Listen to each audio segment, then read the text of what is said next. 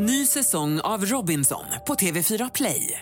Hetta, storm, hunger. Det har hela tiden varit en kamp. Nu är det blod och tårar. Fan händer just nu. Det. är Detta är inte okej. Robinson 2024, nu fucking kör vi!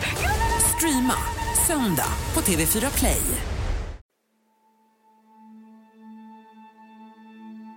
En sån här utredning med, med så här många offer, Eh, så, eh, alltså med, med 63 döda ungdomar, över 50 allvarligt skadade. Alltså det, det blir kaos även en, ett, ett ärende som skulle hända idag. Alltså det, det blir så. Det enda vi kan göra det är att liksom förbereda så mycket som möjligt, men, men det går aldrig att förbereda fullt ut. Vi kan alla den här historien. Vi har alla vårt eget förhållande till den. Vi vet vad vi gjorde när det hände. Vi vet hur vi reagerade när fakta kom fram. Det är den 29 oktober 1998 en mulen och råkall kväll i Göteborg. På Backaplan på Hissingen arrangeras den här torsdagen en diskokväll i en gammal industrilokal på Herkulesgatan. Mellan 375 och 400 ungdomar mellan 12 och 25 år släpptes in i lokalen som egentligen bara var godkänd för 125 personer. Fyra killar blev inte insläppta eftersom de vägrade betala och vi vet alla hur kvällen slutade. 63 ungdomar dog, 200 skadades svårt i den värsta branden i modern svensk historia. En brand som var anlagd av de fyra killar som inte kom in. Det grövsta brottet någonsin i vårt land.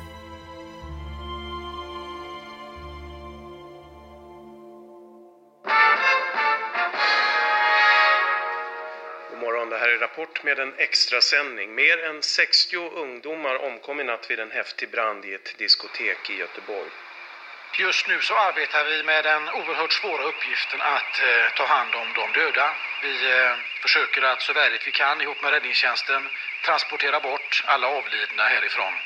Det stora antalet omkomna och skadade tyder ju på att det har varit anlagt. Du tror att det är anlagt? Något brandattentat. För så snabbt kan inte det här eh, brandutvecklingen. Den här händelsen präglade inte bara Göteborg utan hela landet. Jag var där några dagar senare. Vi skulle rapportera om händelsen. Ingen visste då med säkerhet att branden var anlagd men det kunde inte heller uteslutas. Vi fick komma in i lokalen och gå runt och titta. Det var en outhärdlig smärtsam upplevelse. Lokalen i sig var inte särskilt förstörd. Inte som jag väntat mig i alla fall. De flesta som dött hade dött av röken när de i panik försökte komma ut genom den enda dörren som fanns. Nödutgången var blockerad. Det var en tyst och märklig stämning. Helt omöjligt att försöka föreställa sig den dödsångest som fyllt lokalen bara några dagar innan. Det gick inte att ta in. Känslan blev ännu märkligare någon dag senare när polisen hittade ytterligare en kropp, kroppen efter 15-åriga Mona som räddningstjänsten och polisen missat. Hon låg alltså där under några isoleringsskivor medan jag gick runt. Fullständigt absurt. En ung tjej som för bara några dagar sedan hade sett fram mot diskobesöket låg nu där död när vi gick runt. Inte bara vi, andra journalister och till och med statsministern hade varit där medan hennes kropp låg kvar. För mig blev Mona mitt sätt att ta in historien, att försöka få min hjärna att fatta. 63 döda var för mycket, men en kvarlämnad kropp blev det som rev den professionella mur som jag byggt runt mina känslor, som jag byggt för att orka. Det första larmet om branden kom 23.42. Räddningsarbetet blev förstås mycket dramatiskt. Den enda ingången var spärrad av människor som försökte ta sig ut eh, som en mänsklig propp av levande, döda och skadade. Rökdykarna lyckades få ut mellan 60-70 personer från lokalen och vid halv ett-tiden gjorde man bedömningen att inga fler överlevande fanns. Scenerna utanför var obeskrivligt vidriga. Räddningspersonalen försökte rädda så många som möjligt men den ena unga människan efter den andra dog i deras händer. Platsen utanför var fylld av skadade och döda och runt stod hundratals personer, släktingar, vänner, åskådare. Situationen och räddningsarbetet var bitvis kaotiskt. Klockan två på natten var branden släckt. Inte förrän vid åtta tiden på morgonen kunde den sista kroppen föras iväg. Den första presskonferensen hölls vid halv fyra på morgonen och då sa den ansvarige för räddningsinsatsen att branden troligen var anlagd. Men det dementerades av andra, till exempel polisen. Nu efteråt vet vi att den misstanken var riktig. Ja, Leif Rundberg, välkommen hit. Hur kom du in i det här ärendet? Hur började allting för dig? Eh, ja, det började på morgonen eh, på vägen in till jobbet egentligen när jag fick höra om den här katastrofen. Då. Eh, jag trodde ju först inte att det, det hade hänt i Sverige ens, så som det beskrevs i, i, i, media då, eh, på vägen in.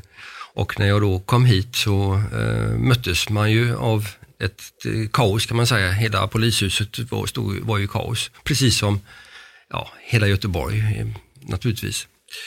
Eh, och eh, jag fick då uppdraget ganska omgående att eh, börja och samla ihop eh, personal för att alla skulle höras och det var liksom eh, första orden som delades ut till mig då, att se till att alla blir hörda.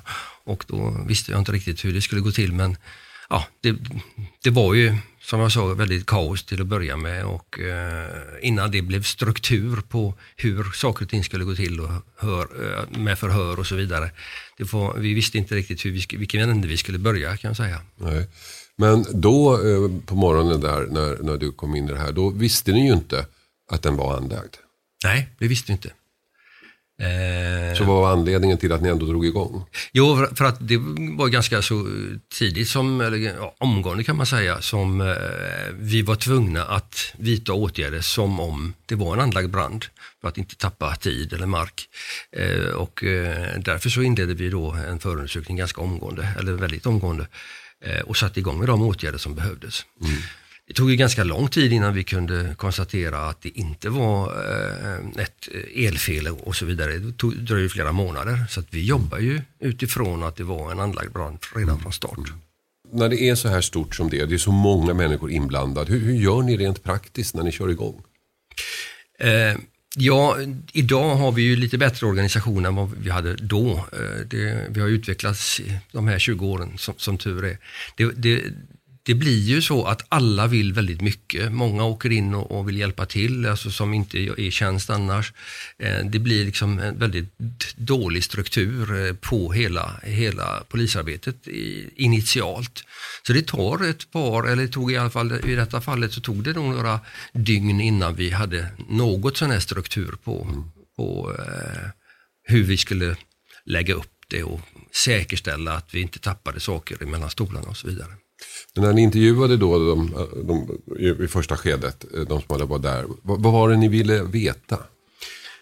Eh, ja, för det första så, så ville vi ju naturligtvis veta eh, var de hade befunnit sig eh, när, de, när branden bröt ut. Eh, det var ganska långt senare, eller flera veckor senare, som vi fick den strukturen som gjorde att vi ville ha var, var varje person hade befunnit sig, vilka de var tillsammans med, eh, om de hade varit där och sen lämnat och, och naturligtvis om de hade gjort några iakttagelser. Eh, så att vi hade ett, ett, ett, någon slags schema för det.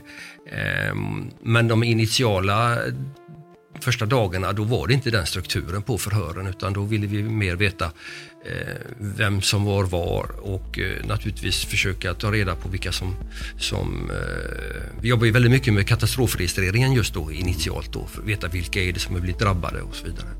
Men eftersom ni inte, ni inte visste vad som hade hänt och vad som hade utlöst den här branden så måste ni ändå ha haft en ganska öppen inställning när ni, när ni intervjuar människor, när ni pratar med människor. Eftersom ni vet ju egentligen inte exakt vad ni är ute efter. Nej, det vet vi ju inte där.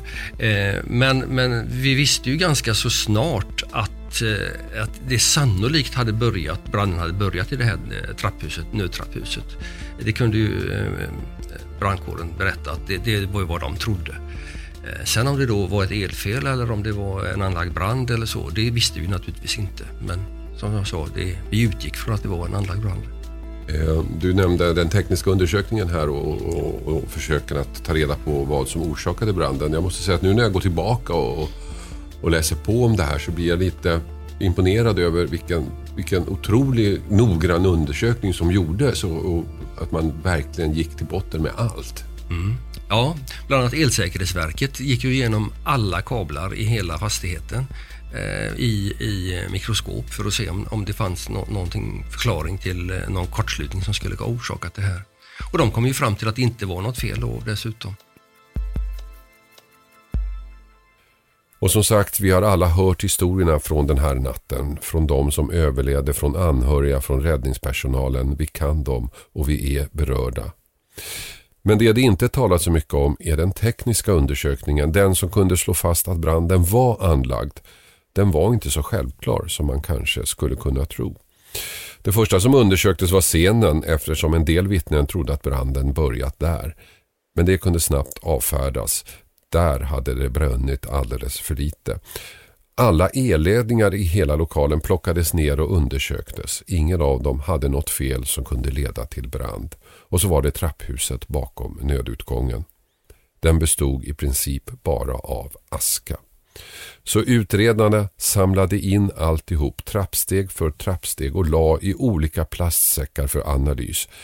Det blev över 50 säckar som noggrant analyserades en efter en.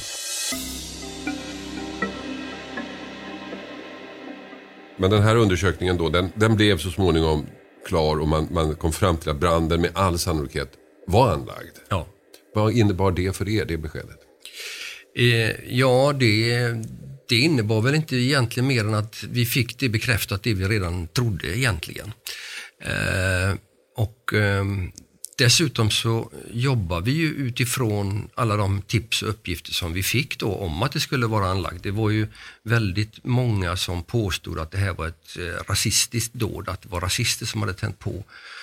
Eh, vilket vi då naturligtvis, precis som alla andra spår, var tvungna att följa upp. Det tog ju i sig väldigt lång tid att följa alla, alltså köra alla dessa spår som vi fick in i botten. Eh, och eh, det fanns också ungdomar bland de som hade varit på plats som påstod att eh, de hade sett en del saker, vilket de inte hade gjort. Det fanns också ungdomar som påstod att de hade varit där, fast de aldrig hade varit där, vilket också då genererar förhör och, och att man fick köra ett sånt spår också i botten. Det var en, en väldig bredd på, på allting då, så att det, vi hade ju väldigt så vi utvecklade ett system för att inte tappa någonting mellan stolarna. Vi var ju väldigt rädda för att tappa spår. Eh, Vi var tvungna att köra allting i botten. Branden blev också inledningen på en av de största polisutredningarna någonsin, kanske den största. Över hundra poliser arbetade med utredningen när den var som mest omfattande. 1500 personer förhördes.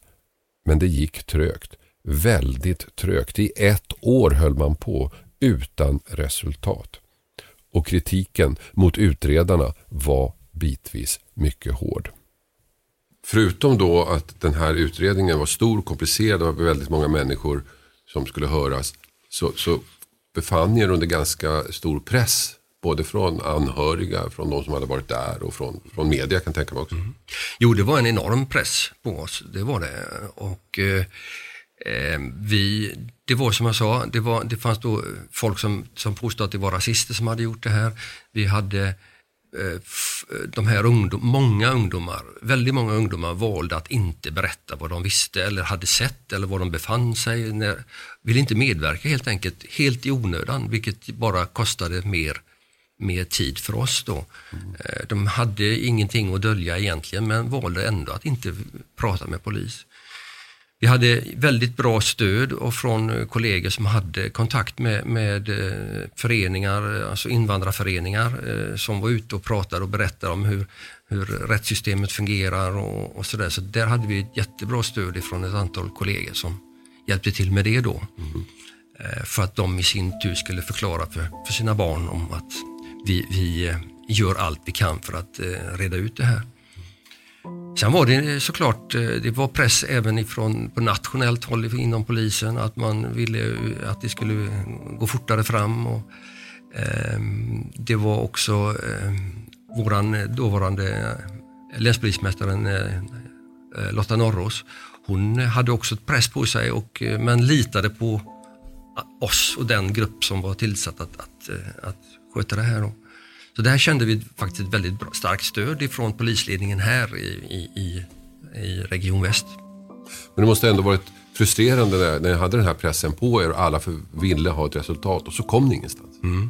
Det måste ha varit extremt påfrestande. Ja, det var, det var väldigt påfrestande för att folk ringde ju i princip varje dag och inte minst journalister som ringde och frågade hur går det? Eh, och tyckte att, att det händer ju ingenting.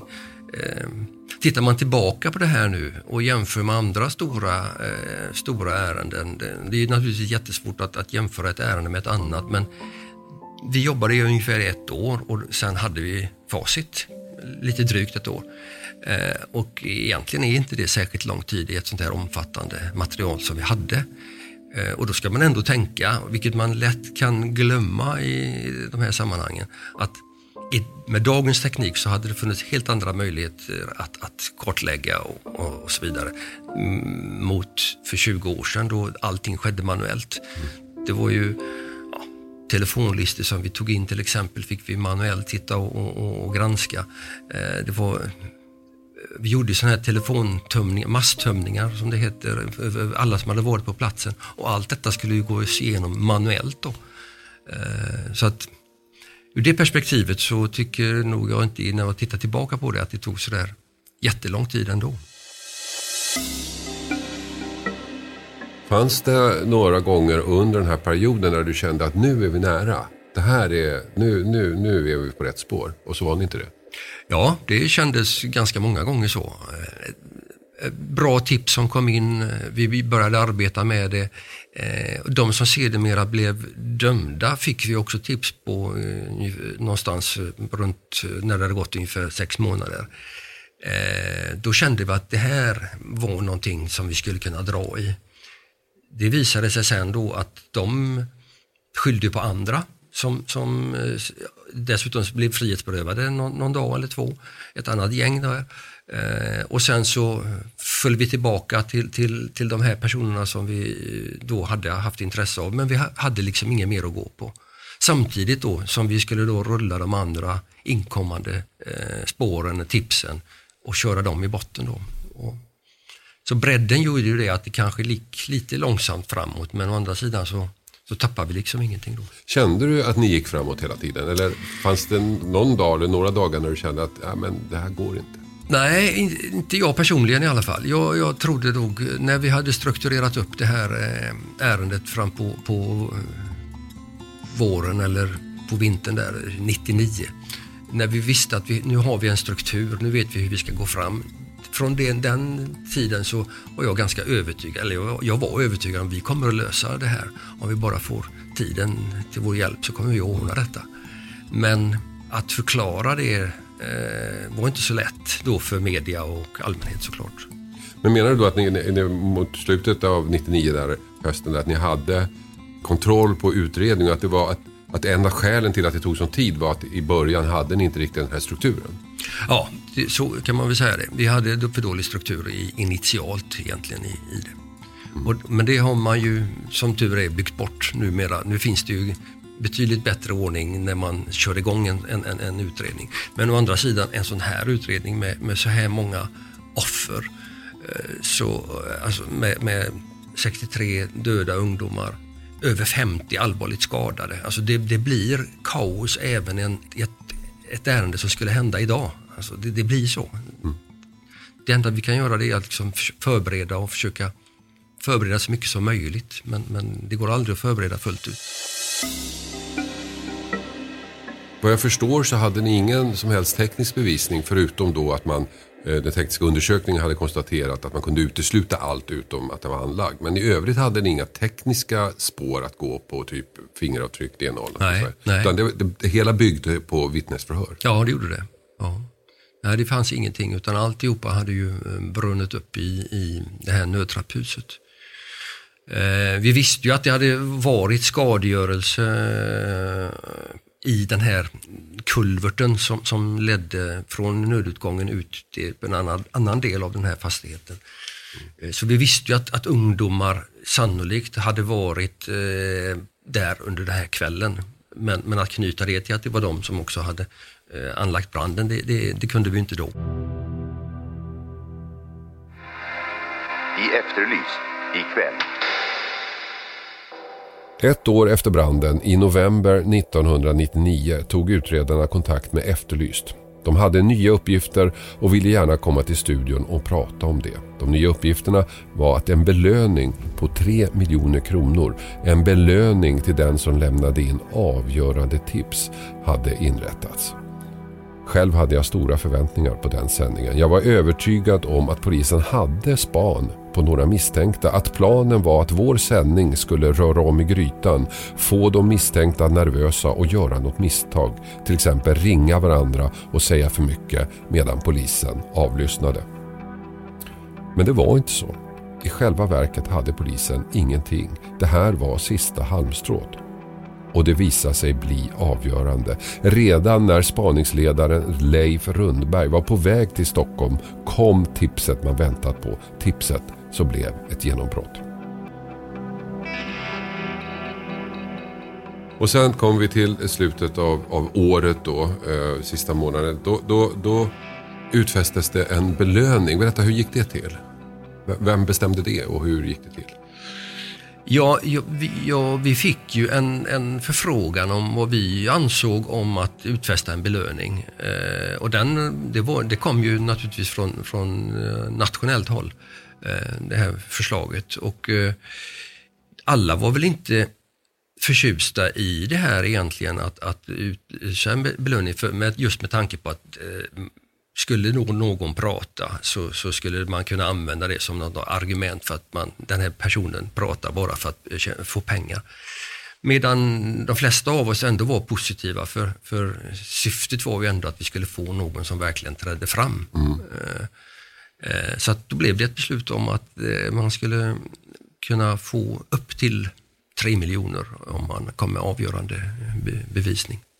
Funderade ni någonsin på att en, en sån här belöning kunde ge intrycket av att ni var helt lost, att ni hade ingenting? Ja, den diskussionen hade vi också. Eh, Och eh, vi hade, vi hade ju naturligtvis ett antal spår då och idéer. Men, men för att få extra draghjälp så tyckte vi ändå att det var värt att, att eh, gå den vägen. Varför just tre miljoner? Ja, de, det beloppet satte inte vi, utan det vet jag inte varför det blev så. Nej. Och det var här Efterlyst kommer in i bilden, berätta. Ja, då var det ju tänkt så att eh, det skulle offentliggöras då på eh, en eh, torsdag i, i Efterlyst. Och då åkte vi upp till Stockholm, då, vi utredningsgänget som, som satt och jobbade med detta. Eh, för att berätta det och jag skulle berätta det och så skulle vi ta emot tips då under kvällen då, under, Va- under sändningen. Varför var den just Efterlyst? Ni kunde ju ha gått ut i vilka media som helst. Vem som helst hade ju skrivit om det. Ja, det vet jag faktiskt inte heller varför det blev efterlyst, men, men jag föreställer mig att det var väl eh, en bra, för att få- bra genomslag helt enkelt. Plus att ni kanske också, ni, ni satt ju där så ni kanske ni kunde få omedelbar feedback också. ja om de precis. Ja, ja, just det. Eh, Men eh, redan på vägen upp hände någonting. Berätta. Ja, eh, på vägen upp, eller när vi var, befinner oss i Stockholm då, så är det en kille som, som ringer till en av våra utredare och säger att han inte mår bra. Han har en kompis som, som sitter då frihetsberövad i en, i en annan stad där och misstänkt för mordbrand. Ehm, och han är då orolig för att hans kamrat då ska misstänkas också för, för Backabranden. Ehm, och han säger då att, för jag vet, jag var tillsammans med honom den här dagen ehm, och jag eh, är, är orolig för honom. Under det samtalet så, så då, då ringde han alltså till en, en förhörsledare som han tidigare haft kontakt med. Så förstår då den här eh, förhörsledaren att jag måste passa på att prata med honom på nytt, den här killen då. Så att de bestämmer då att de ska höras av dagen efter. Och eh, dagen efter så ringer då den här förhörsledaren till honom och han eh, och då bestäms det att han då eh, ska komma hit till polishuset på söndag kväll där. Och eh, då känns det i gruppen som att eh, då den här förhörsledaren berättar hur han, hur, vad han får för känsla. Att det här kan faktiskt vara någonting att dra i. Och mycket riktigt då på, på söndagen då, eh, på söndagskvällen så berättar han vad han har hört av en av gärningsmännen då, eller den som är ledaren kan man säga till det här gänget som sedermera blir dömda. Varför ringer han just då tror du? Och varför sker det här i... För att han ringer egentligen innan, första gången ringer han innan ni berättar om belöningen? Eller visste han om den? Hur- Ja, han, han hävdar ju själv att han inte visste om den då när han, när han ringde, för han har ju fått frågan naturligtvis. Eh, och eh, jag, jag vet inte vilken tidpunkt på dagen han ringde då. Den, eh, jag vet att, att det var på torsdagen därför. Eh, men jag vet också att, att klockan 15.30 så, så, så offentliggjordes det i på radion dessutom. Så att, men han säger själv när han har fått frågan och det står till och med i domen att han hade ingen kunskap om belöningen då. Eh, Men å andra sidan så sa han ju heller ingenting just i det samtalet utan eh, dagen, alltså dagen efter då, då, då förklarar han ju att han ville prata lite mer också. Eh, hur som helst, det, det gav ett bra resultat, det, det, det förhöret som, som han sen... Vad var det han berättade? Han berättade då att eh, en av de här, eh, ja, den här ledaren för det här gänget som, som, som vi titt, hade tittat på flera gånger tidigare eh, hade för honom berättat att eh, först under kvällen så hade det varit ett slagsmål eh, under, eh, inne på den här eh, festen där han var delaktig. Eh, han hade blivit eh, hotad med, eh, eller arrangörerna ville slänga ut honom så att han var lite upprörd över det. Eh, dessutom så ska vi komma ihåg då att, att han var, tyckte att han eh, inte hade... Han, han, han var tvungen att, att betala för att komma in och det tyckte han att han var liksom för, för viktig för att göra. Det handlade alltså om, om 40 kronor. Eh, det gjorde att han eh, blev lite förbannad på eh, arrangörerna att han dels då skulle betala och sen så pratade de om att han inte skulle få vara kvar för att han hade bråkat då. Då hade han kommit ut på utsidan och då hade han då träffat det här eh, vittnet eh, som då hörde av sig till oss och sagt att eh, djävulen är här ikväll eh, och, och eh, han ska, jag ska se till att förstöra festen och se till att brandkåren kommer hit. Han trodde ju inte säkert mycket på det här då, den här vittnet, men, men i efterhand har han ju förstått det då. Några dagar senare så träffas de också och då berättar då den, alltså den misstänkte eller gärningsmannen att eh, då förklarar han att han, han, det var inte meningen att det skulle bli så här stort.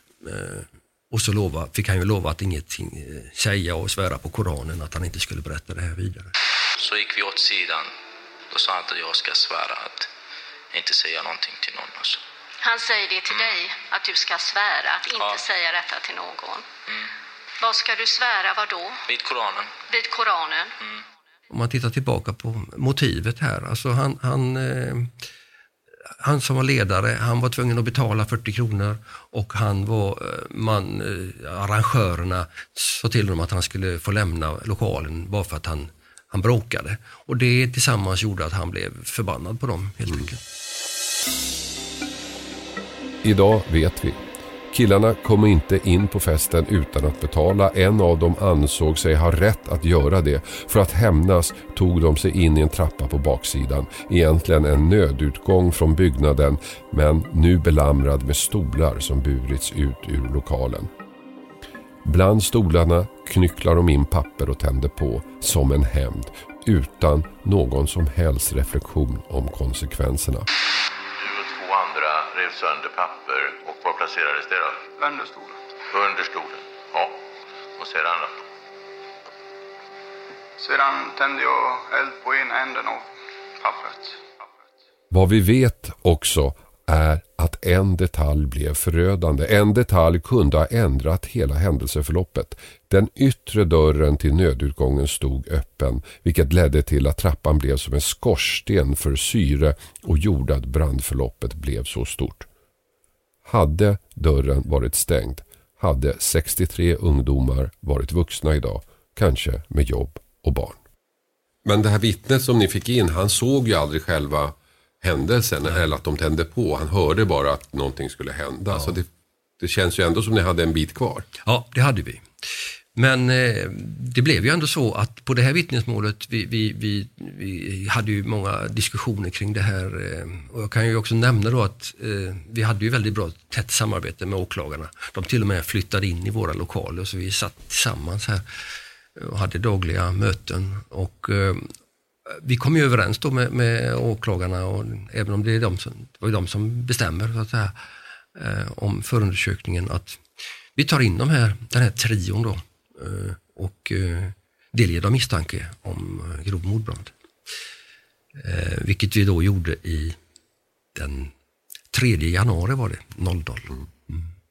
Hur mycket hade ni då på dem så att säga? Hur säkra var ni att, att de skulle falla till föga? Det var vi väl egentligen inte, utan det här var ju att eh, vårt vittne var så stark. Vi visste att han var stark. Vi visste också att han hade berättat det för, för sin, eh, han hade en tränare som, som han hade eh, bollat detta med och han hade liksom buret på det här hade han förklarat då för sin tränare också. Han orkade inte göra det längre.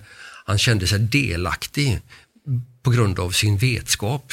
Så att han var väldigt stark eh, och vi kände att det här är, kommer att hjälpa oss men det är utan ett erkännande ifrån gärningsmännen så kommer detta att bli svårt. Mm. Men vi bedömde ändå att det, det fanns sådana så, möjligheter. Tre personer som sitter frihetsberövade. Ofta så, så kan man eh, få det att spricka upp. Då. Mm. Berätta, hur, hur, hur reagerade de när ni hämtade in dem och hur gick det sen? Eh, det var ganska så, vi, vi, hade ju planlagt det ganska länge då under hela december där och eh, liksom att vi visste, skulle veta exakt var de befann sig. Vi ville ha dem på sina adresser. Vi skulle göra en gemensam tillslag så att de inte skulle ha tillfälle att, att prata med varandra. Eh, så att det blev ju en, en, en sån här gemensam eh, aktion där på, på morgonen eh, där vi fick in dem. Men det var ganska så, de var ganska lugna faktiskt. Mm. Eh, och det visar ju sig senare också, långt, långt senare, att de hade ju faktiskt pratat ihop sig de här tre. Att om någonting skulle hända så, så, så, så hade de en klar story. Mm. Faktiskt. Det hände ju inte så där, vi fick inga genombrott direkt den första eh, månaden. Eh, där, utan de ville inte medverka och det gick ganska så, så det var ganska tungt där några veckor. Eh, men vi blev ändå stärkta i vår, vår uppfattning om att det är de här. Eh, vi hade ju då dessutom kunnat rent tekniskt bevisa att eh, de historier som de hade kunnat berätta, vi, vi återupptog de här telefonlistorna, tittade på vilken buss de påstår sig ha åkt och så vidare. Och de gick inte ihop de påståendena med vilken resa de hade gjort och var de befann sig stämde liksom inte med deras telefonlistor heller. Då. Så rent tekniskt så fanns det ganska bra, för oss då, bra brister i deras eh, berättelse. Och det gjorde väl det att det var möjligt också att, att få förlängning på, på häktningen.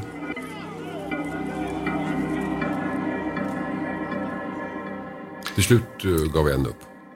Ja, det var ju så att eh, det var ju en fjärde person då. Eh, den här trion eh, eh, valde ju att inte säga särskilt mycket men så då fanns det en, eh, en kille som eh, hade förekommit i periferin kring de här. Eh, och eh, samma förhörsledare som hade tog emot det här samtalet från vittnet eh, hade en magkänsla att vi måste klämma och känna på den här killen också. Och det var en kille som var lite yngre än de här. Eh, bodde eh, granne med en av de andra, av de andra gärningsmännen. Och eh, tog hit honom här och eh, efter en stund så, så la han av och började berätta om sin del och om de andras del. Då. Och då öppnade det ju naturligtvis upp helt nya möjligheter. Det kändes ju jättebra. Mm. Och det här ledde då till att den huvudmisstänkte gängledaren till slut erkände. Ja, men när han kom in då, den här fjärde personen, eh, då kunde vi ju tala om eh, för de tre andra att eh, som det nu är nu då så, så eh, eh han blev också häktad. Och då blev det så att, att vi kunde förklara för dem att, att med anledning av att en av er nu har pratat så sitter det fyra frihetsberövade.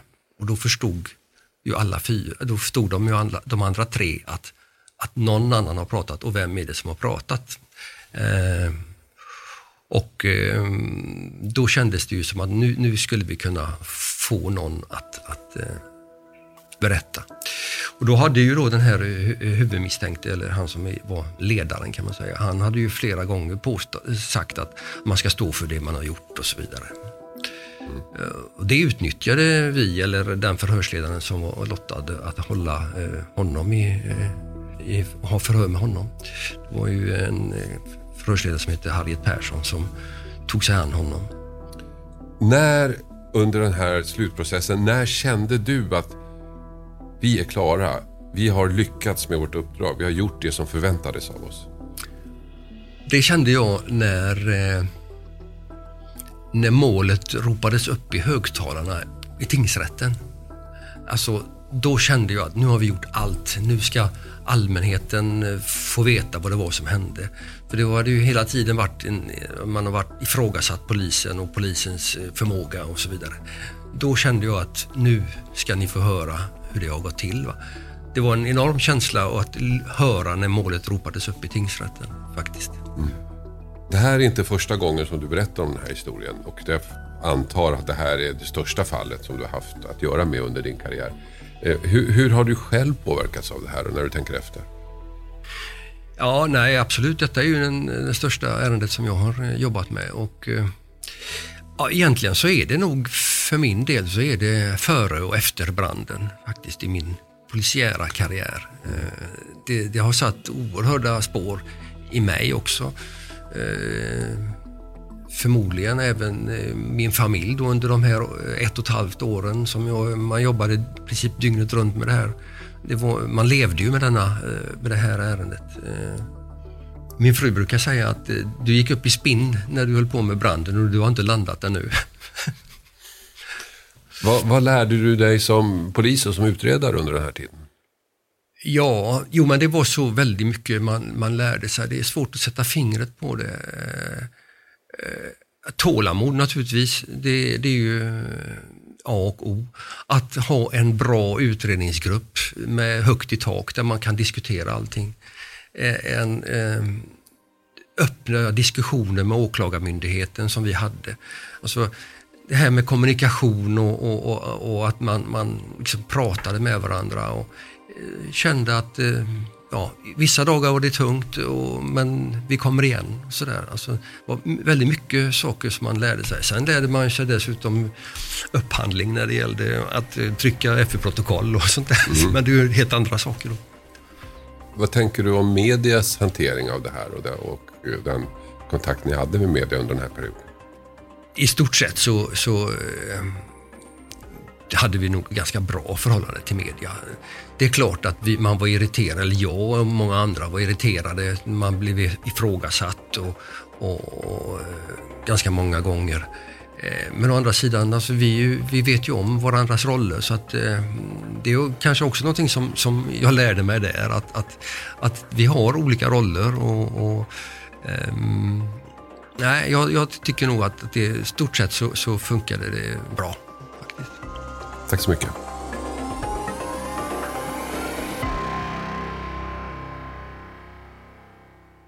Vad hände då med killarna som startade branden? Göteborgs tidningen GT gjorde ett reportage om det i samband med att det var 20 år sedan branden i oktober förra året. När de anlade branden var tre av dem 19 och den fjärde 17 år gammal. Idag är de alltså runt 40 allihopa. Den ena 19-åringen, han som var själva huvudmannen, fick längst straff, åtta års fängelse. Under tiden han satt inne dömdes han för misshandel av en annan intern. Efter att han frigavs 2005 har han dömts för flera andra brott, trafikförseelser och narkotikabrott, senast i slutet av förra året. Den andra 19-åringen dömdes till sju års fängelse. Efter att han släpptes bytte han namn och försökte starta ett hedligt liv. Han bosattes i Göteborg och fick jobb som lastbilschaufför. Men det höll inte. Han har dömts för flera narkotikabrott senast 2017. Han blev också indragen i en gängkonflikt som slutade med att han sköts i benen. Den tredje 19-åringen dömdes till sju års fängelse också. Enligt uppgifter i media ska han nu ha kontakter med personer som har höga positioner inom mc-gänget Bandidos. Han har inte dömts för fler brott.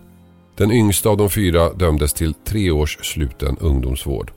Han ansågs haft minst att göra med branden. Han har nu utbildat sig till hantverkare och driver ett eget företag i en Göteborgs förort.